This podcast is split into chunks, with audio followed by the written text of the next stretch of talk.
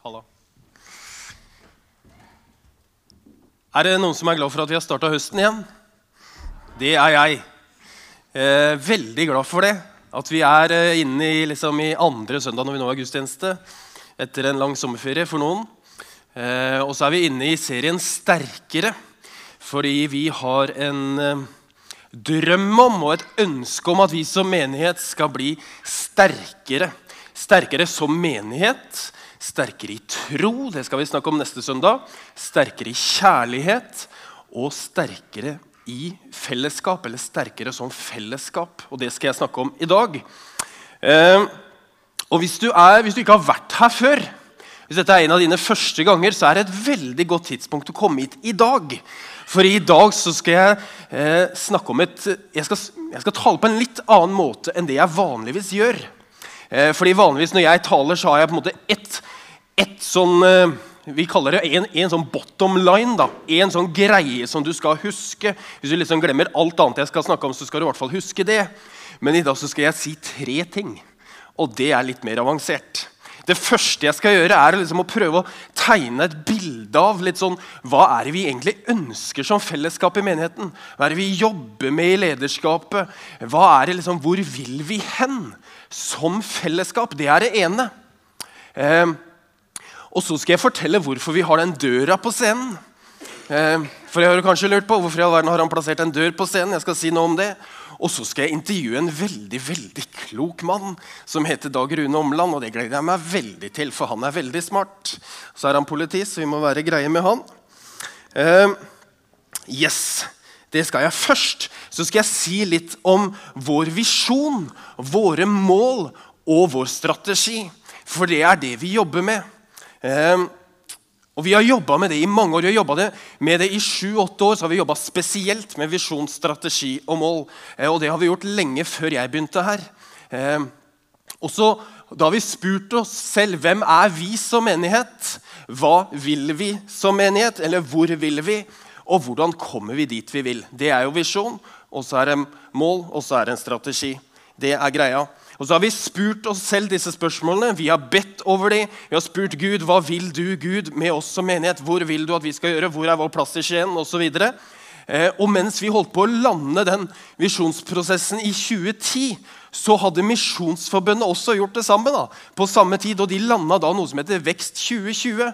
Og så var det sånn at så ble det litt samsvar mellom hva da Misjonsforbundet mener, som er liksom vår eh, ikke moderorganisasjon, men liksom vår organisasjon som vi er under, eh, og hva vi som menighet drømte om. Og Så slo vi dette sammen, og så ble eh, Misjonsforbundets Vekst 2020-mål de ble også våre mål. og Kort fortalt så handler det om en dobling. En dobling av antall gudstjenestedeltakere. Det betyr jo det at innen 2020 så kan jo ikke vi være her hvis dere har med en hver, for da er det jo altfor mange.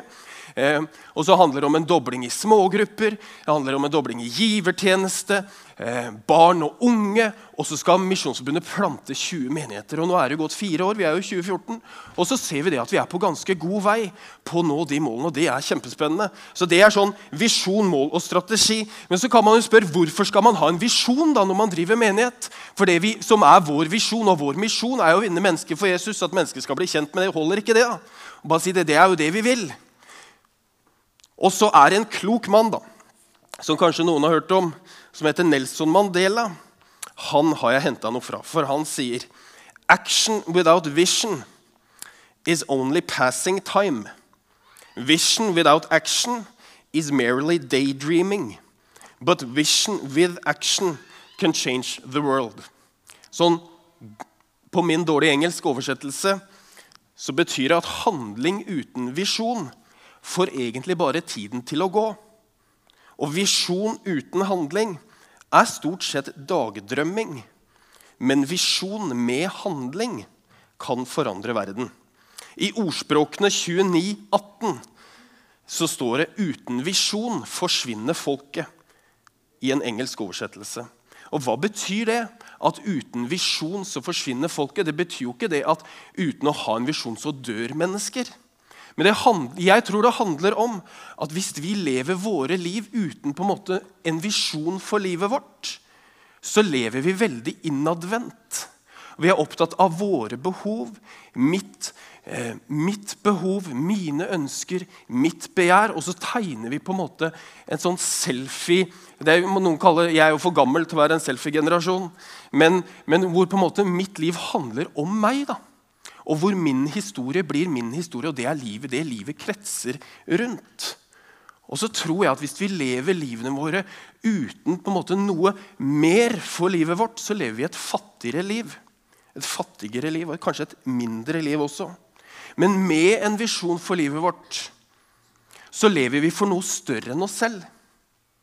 Det ikke bare, handler ikke bare om meg og mine behov, fordi jeg søker noe mer. Og så setter ikke minst med en visjon, og hvis vi tror på Jesus og ønsker å følge etter han, med en, med en sånn visjon for livet vårt, så setter vi vårt eget liv inn i den store fortellingen som Gud tegner.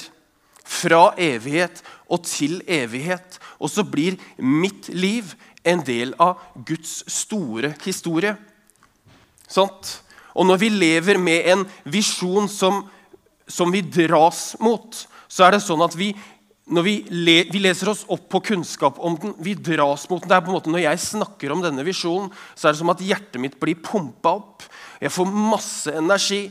Jeg søker kanskje venner som, har, som, deler samme visjon. Jeg søker kunnskap om det. Jeg går på kurs, jeg går på seminarer for å på en måte nå den visjonen, for å komme dit. Jeg ofrer ting i mitt eget liv for visjon, for den drømmen vi har. Og så er det noen som tror at hvis vi lever med en visjon for livet, med noe som er på en måte over her, så lever vi et mer problemfritt liv. Da forsvinner problemene, da forsvinner bekymringene. Da, det, da, møter vi mindre motstand. Og så tror jeg at det er snarere tvert imot. At hvis vi lever med en visjon for livet, noe som på en måte er over her, så tror jeg vi faktisk vi oppdager at vi kanskje får enda flere problemer. Vi får kanskje flere sinte telefoner. Jeg får kanskje flere sinte mailer i e-posten boksen min. Fordi vi lever for noe her, og så er ikke alle som liker det. Og så møter det motstand. Så Hvis du, vi ønsker å snu fra å leve for deg selv til å leve for noe større, så vil du kanskje oppdage at du får flere utfordringer og problemer. Men gevinsten, da, det er jo det som ligger her framme. Den drømmen vi har, den visjonen vi har, det vi jobber mot, og gevinstene underveis og velsignelsen underveis. Og så tenker jeg, Ikke minst så vet jeg jo da hvorfor jeg lever. Meningen med livet har jeg jo på en måte forstått, fordi jeg er en del av den store Guds fortelling. Det var en veldig lang innledning på det om visjon. Yes. Men for fellesskapet vårt da, så har vi noen, vi har noen visjoner. Og det er at Skien misjonskirke setter himmel og jord i bevegelse. Og så kan det sies på mange måter, for vi vil jo dobles på veldig mange områder. Men vi ønsker ikke en dobling bare for en dobling. Men vi ønsker at mennesker som kommer til oss, om de kommer på korbim, om de kommer på gudstjenestene, uansett hvor de kommer, så ønsker vi at de skal komme igjen. Og så tror vi det at ved å komme igjen og komme igjen og komme igjen, så får man etter hvert et eierskap til det man kommer til. Og gjennom å få eierskap så tar man ansvar. Og gjennom å ta ansvar så opplever man forhåpentligvis etter hvert menigheten eller det fellesskapet som man er en del av, som en del av sin utvidede familie. Og så handler det ikke om at vi bare skal si at vi går i SMK, eller at vi går dit, eller vi sier det, sånn at bestemor blir glad, eller mamma blir glad, og, og du kan liksom skryte av det på familiebursdager, for vi sier jo at vi går dit, og at vi går dit. Men handler ikke om det. Men vi, det handler om at det er noe dypere. At ved å komme og få eierskap og ta ansvar, så vokser vi. Og så blir vi sterke. Fordi vi vokser ikke kun ved å gå på gudstjeneste eller komme på møte, men vi vokser ved å gå dypere. Og, vokser, og hvordan går vi dypere? Jo, da må vi jo være i en relasjon. Og hvordan skal man være? Vi er jo i en relasjon, alle vi som er her inne i rommet. Jeg vet ikke hvor mange det er, 100 stykk kanskje. Men vi kan jo ikke være i relasjon med alle her. Du kan jo, kjenne, du kan jo ikke kjenne alle, men du kan jo kjenne noen. Sånn at Det er jo helt umulig det at vi skal være i tett relasjon med oss alle her inne. Før var det jo sånn at nå, vi, For mange år siden, hvis vi var 50 stykker i SMK, så kjente kanskje alle alle. Men nå er vi 450 medlemmer. Og så har vi kanskje et par hundre som er innom våre gudstjenester som ikke er medlemmer. Så det er jo helt umulig at vi skal kjenne alle. Derfor må vi jo ha noe annet som gjør at vi får eierskap, og at vi går dypere og kommer tettere på hverandre. Og Det er jo det vi kaller da for mindre fellesskap. Om det er smågrupper, eller om det er lefsebaking eller julemesse, eller hva det er, det spiller egentlig mindre rolle. Men tanken er at vi vokser ikke i benkerader. Og jeg er jo veldig glad i benkerader. Å stå og snakke foran dere, det er jo veldig enkelt, det. Og, liksom, at dette er liksom hovedgreia vår. Og vet du hva? Vi bruker masse ressurser på gudstjenestene våre. Eh, og Det er et kjempefokus for oss. Det er kjempeviktig for oss at gudstjenestene våre er gode. At det er god undervisning, at det er god musikk, og at folk trives. At vi senker skuldrene, at det er hyggelig å være her. Det er kjempeviktig. Og en veldig viktig del av det kristne livet er å gå på gudstjeneste og møte Guds menighet sammen. Men så er det én del. Og I løpet av denne høsten og den eh, våren som har vært, og gjennom sommeren og utover høsten, så, vi, så, jobber vi mer og mer med disse småfellesskapene og disse små gruppene hvor vi møtes. Vi bruker mer ressurser på det. Vi snakker mer og mer om det i, i stab og i lederskap. For hvordan kan vi få menigheten til å bli sterke i fellesskap? Og da handler det om å møtes i mindre grupper grupper. I Forkynneren 4.9-10 så står det det er bedre å være to enn én. De får god lønn for sitt strev. Det er bedre å være to enn én. De får god lønn for sitt strev. Jeg er jo glad for at det står der at de får god lønn for sitt strev. For de aller fleste av oss har jo opplevd at hvis man er mer enn én, så er det et strev. Det er mer strevsomt å være to. Kanskje bare i mitt ekteskap og blant mine venner. Men det er mer strev å være to enn å være én. Og i hvert fall hvis man blir sju, åtte, ni, så er det jo enda mer strev. Men så, de får jo god lønn for det. Og hva er det? Jo, faller de For om den ene faller, så kan den ene reise den andre opp. Så hvis du blir syk, eller hvis du har en skikkelig dårlig dag, eller hvis du på en måte strever på masse ting, så kan du, når du er to, så kan jo den som er oppe, da, løfte den andre opp. Det er jo ikke rakettforskning. Men så står det 'stakkars den som er alene'. Faller han, er det ingen som kan reise han opp. Delt glede er dobbelt glede, er en klok mann som har sagt. Og delt sorg er halv sorg. For hvis du er alene, så er det ingen som kan reise deg opp. Og så trenger ikke det handle om kjærester eller samliv eller ekteskap. eller hva Det trenger ikke handle om det. Men det handler om, det er kanskje noe av det viktigste jeg sier i dag. Pass på at du ikke står alene. Men at når du faller, eller når du møter vanskeligheter, og det kommer du til å gjøre Pass på at du ikke står alene. Sånn at det er noen andre der som kan løfte deg opp. Vi skal høre Dag Rune si noe klokt om det litt seinere. Men før han kommer, så skal jeg si dette. De sterkeste historiene i vår menighet som jeg hører om, er ikke når pastoren kommer hjem på sykebesøk. Det er ikke når pastoren kommer på sykehuset og besøker noen. Det er ikke det. Men de sterkeste historiene i vår menighet er når et småfellesskap eller noen mindre fellesskap mobiliserer og reiser ut og reiser hjem til noen og sier kanskje skal vi passe barna deres denne helgen, så dere får fri. Skal vi lage middag til dere de neste to ukene, så dere slipper å tenke på det. De sterkeste historiene i vår menighet er når mindre grupper mobiliseres og reiser seg opp. Ikke vi som får lønn for å gjøre det. Det er jo hyggelig å gjøre det. Men det er jo ikke de sterkeste. De sterkeste er jo når dere reiser dere som gruppe. Fordi dere bryr dere om noen. Om, om mennesker. Noen dere kjenner godt. Noen som dere er gode venner med. Og gjør en forskjell. Og så jobber vi da med, med en eh, en plan for hvordan dette kan se ut, som vi ikke er ferdig med. Men vi har snakka om ulike scenarioer for hvordan vi kan bli sterke som fellesskap. Og så har vi noen eksempler som vi tenker kanskje det kunne vært noe som vi ser for oss i framtida. Hvis vi blir 900 stykk her, så må vi organiseres på en annen måte enn det vi gjør i dag. Så det vi drømmer om, er at når det er noen som er syke i menigheten, så er det smågruppene som reiser på sykebesøk. Vi drømmer om at når det er noen som har jubileer, så er det smågruppa som reiser hjem og arrangerer fest. Og Vi tenker at smågruppene har en åndelig og personlig eh, hensikt. Og så tenker Vi også, vi drømmer at det skal ha en veldig praktisk hensikt også. For det betyr f.eks. følgende eh, Vi er en menighet som er veldig god på eh, orden og planlegging, og at alt er på stell. Vi annonserer, vi, har, eh, vi reklamerer for våre ting, og vi har ting, veldig mange ting på stell. Og vi tror at Gud leder oss i planlegging, at han styrer eh, showet. Og vi tror at Gud er med oss i det. Samtidig så vet vi det, at Den hellige ånd taler til mennesker på ulike måter.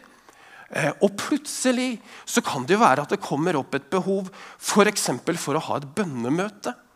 Og det må vi ha i kveld. Og da er det jo helt umulig for oss å annonsere det i Varden. For den avisa kommer jo på morgenen.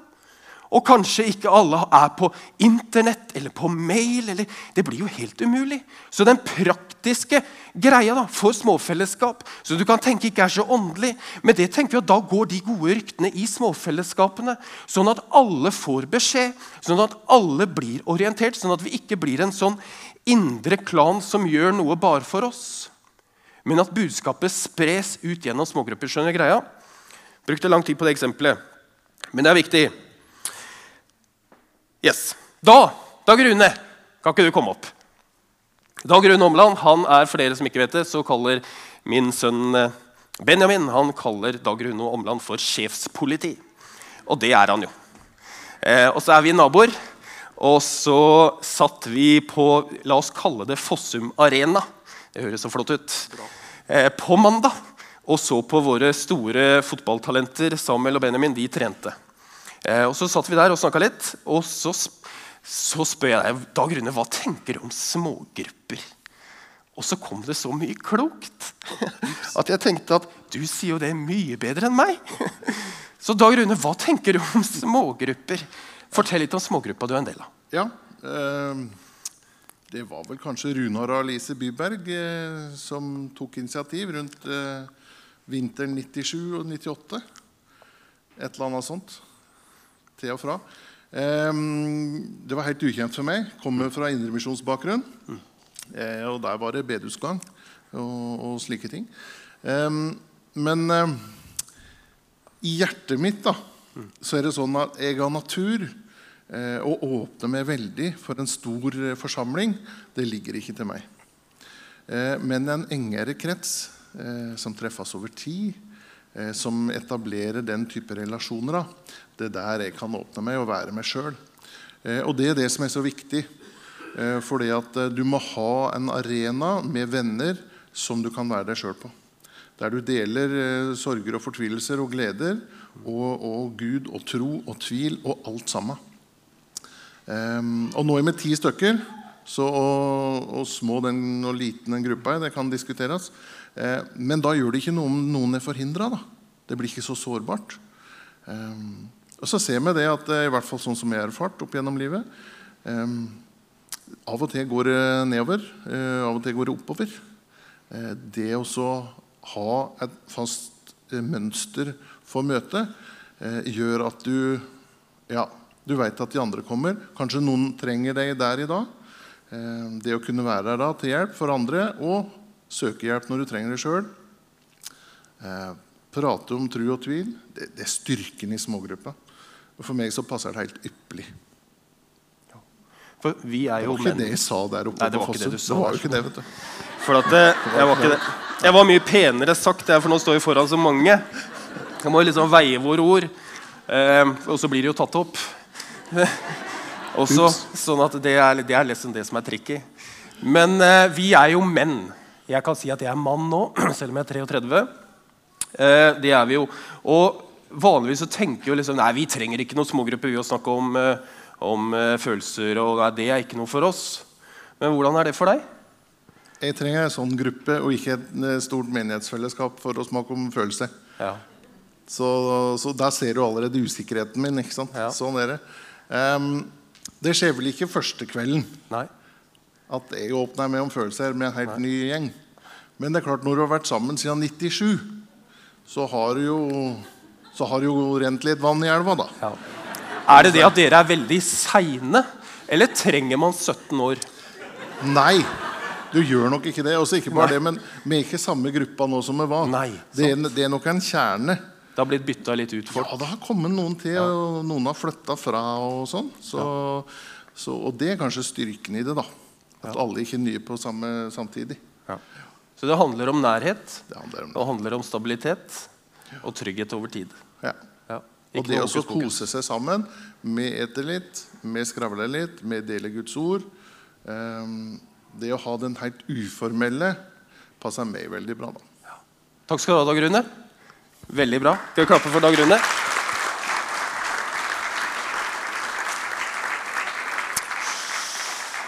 Jeg tenkte jeg skulle fortelle en kort historie fra små, min smågruppe. Eh, og det er ikke om meg, takk og lov. Eh, men det er om eh, en i gruppa vår som heter Heidi.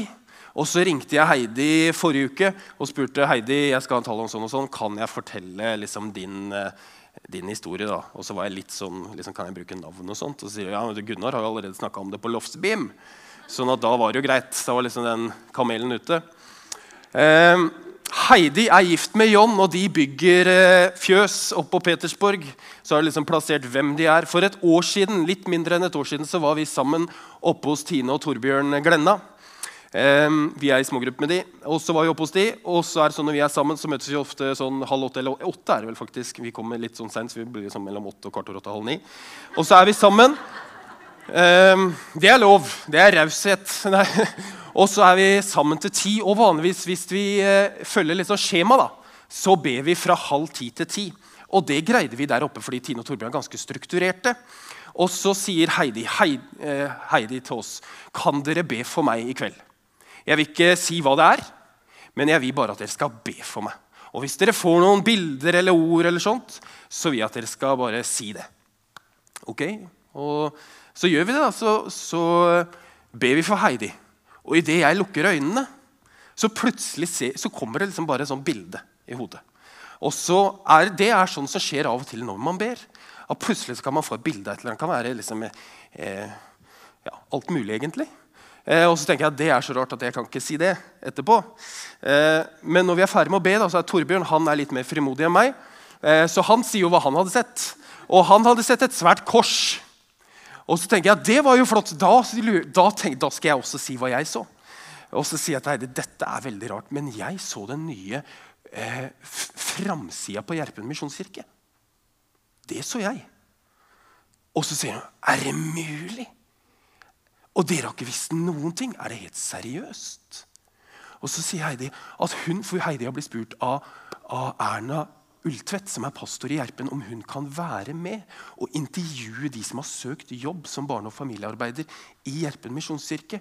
Og så har Heidi sagt ja til det, og når hun har sittet i disse intervjuene, så har hun bare kjent ja, du er fin, du, men nei, du skal ikke ha den jobben. For jeg lurer på om jeg skal ha den selv. Men det var jo litt rart, da, i og med at hun satt og intervjua folk. liksom. For vil du ha jobben? Det blir jo litt rart. Men så blei det en sånn kjempebekreftelse for Heidi. Kanskje jeg skal det. Og nå så jobber Heidi som barne- og familiearbeider i Gjerpen misjonskirke. Og det er fantastisk historie. Og sånn mirakler skjer i smågrupper. dere. Når vi er sammen litt over tid. Når vi er ærlige med hverandre. Når vi søker liksom nærhet og liksom gir litt slipp på disse barrierene og stoltheten og det å liksom være litt sånn macho for oss som er menn. Jeg har ikke noe liksom med følelser og, og sånn. Og det, og, men når vi liksom slipper tak i det, så kan det skje sånne mirakler i smågruppene. Det er flott. Skal vi se Nå skal vi snart lande. Men jeg skal fortelle hvorfor denne døra står her. Så skal jeg bare flytte litt, sånn at dere ser den. Jeg har to ting som jeg skal utfordre dere på i dag. Jeg sa tre, men det blir to. Ehm, Det ene er at når gudstjenesten er ferdig, så vil Mariann Fossnes Dahl hun vil stå ved et bord ute i foajeen. Og hvis du ikke er en del av en smågruppe, så skal du skrive navnet ditt på den lista. Med navn, nummer, og telefon og e-post og sånt, hvis du vil være med i en gruppe. Og så har det vært sånn før at noen som har gjort det, har på en måte venta et år før de har kommet i en gruppe. og Da er liksom poenget borte. Men nå har vi fire gruppeledere som er klare til å starte nye grupper. Så hvis du skriver deg på en, hvis du ikke er en del av en smågruppe og vil være en del av et sånt fellesskap og få bilder og, og bli oppmuntra, så skriver du navnet ditt på den lista, og så blir du en del av det. Og det er det, noe av det viktigste vi kan gi dere som menighet. Hvis du lurer på hva er hva kan Skien misjonskirke tilby meg, så er, det, er smågrupper et av de viktigste. Og Så kan du tenke at ja, smågrupper er ikke for meg. Nei vel, men da er det ditt valg. Da er det ditt valg. Men det er vårt største tilbud til deg å gå i en smågruppe. Og det symboliserer litt den døra. Men i Johannes' åpenbaring 3,8 så står det Se, jeg har satt foran deg en åpnet dør som ingen kan lukke. Se, jeg har satt foran deg en åpnet dør som ingen kan lukke. Denne døren symboliserer døren inn til det viktigste fellesskapet, som er grunnlaget for alt vi gjør, og det er fellesskapet med Gud. Fordi Gud har satt foran deg en åpnet dør som du kan gå inn i. Hvis du skal huske én ting fra denne talen, så er det den døra.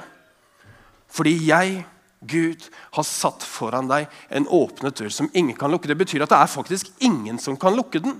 Det er ikke Vennene dine kan ikke lukke den, smågruppa di kan ikke lukke den. Familien din eller mora eller faren din eller kjæresten din eller hva nå enn det er, kan ikke lukke den døra. Fordi Gud har åpna en dør inn til fellesskap med Han, som gjør oss sterke, som gjør oss modige, og som har en kraft i seg som vekter Jesus opp fra de døde. Og den kraften får du når du går inn gjennom den døra. Og Så kan du tenke hva du vil om smågrupper og småfellesskap og menighet og alt, egentlig. Men det viktigste fellesskapet er inn den døra der. Fellesskapet med Gud. Og når vi skal lovsynge nå, Vi skal ha en sånn stund sammen hvor vi skal, hvor vi skal synge til Gud og gjøre forskjellige ting. Vi skal ikke gjøre forskjellige ting. Men når vi gjør det, så har Det kom veldig gærent ut. Um, så har du noen muligheter. Du kan, hvis du vil, tenne et lys i lysgloben for noen du bryr deg om, eller for deg selv.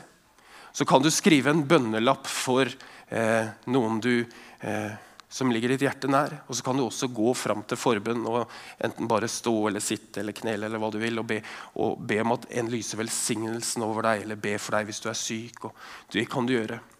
Men det jeg har lyst til å utfordre deg til å gjøre, er fordi nå er vi på vei inn i en ny høst. Og så er det av og til at Når vi møter vanskeligheter i livet, så er det godt å se tilbake på liksom et sånt konkret handling da, som jeg gjorde. Så det jeg vil utfordre deg til, er å reise deg fra benkeraden. Og så skal vi løfte den døra litt fram. Og så kan du gå fram, og så kan du gå gjennom den døra. Som et symbol på at vet du hva, jeg vil ha fellesskap med deg, Gud. Jeg ønsker å gå denne høsten i møte på skole eller i ekteskapet mitt, hvis det er vrient der, eller uansett hvor det er, som et symbol på at i hvert fall Gud er med meg. Jeg er, står i fellesskap med Han. Skal vi be? Jesus, takk for at du er her. Takk for at du virker. Jesus, jeg aner ikke hvor dette lander. Men jeg ber om at du skal virke med din Hellige Ånd. Og så ber jeg Herre om at du skal gi oss visdom til å vite hva vi skal gjøre med det vi har hørt. Og så ber jeg Herre om at du skal gjøre oss modige til å faktisk gjøre det. Og så vet vi selv hva det handler om, og så vet vi at du er med. Amen.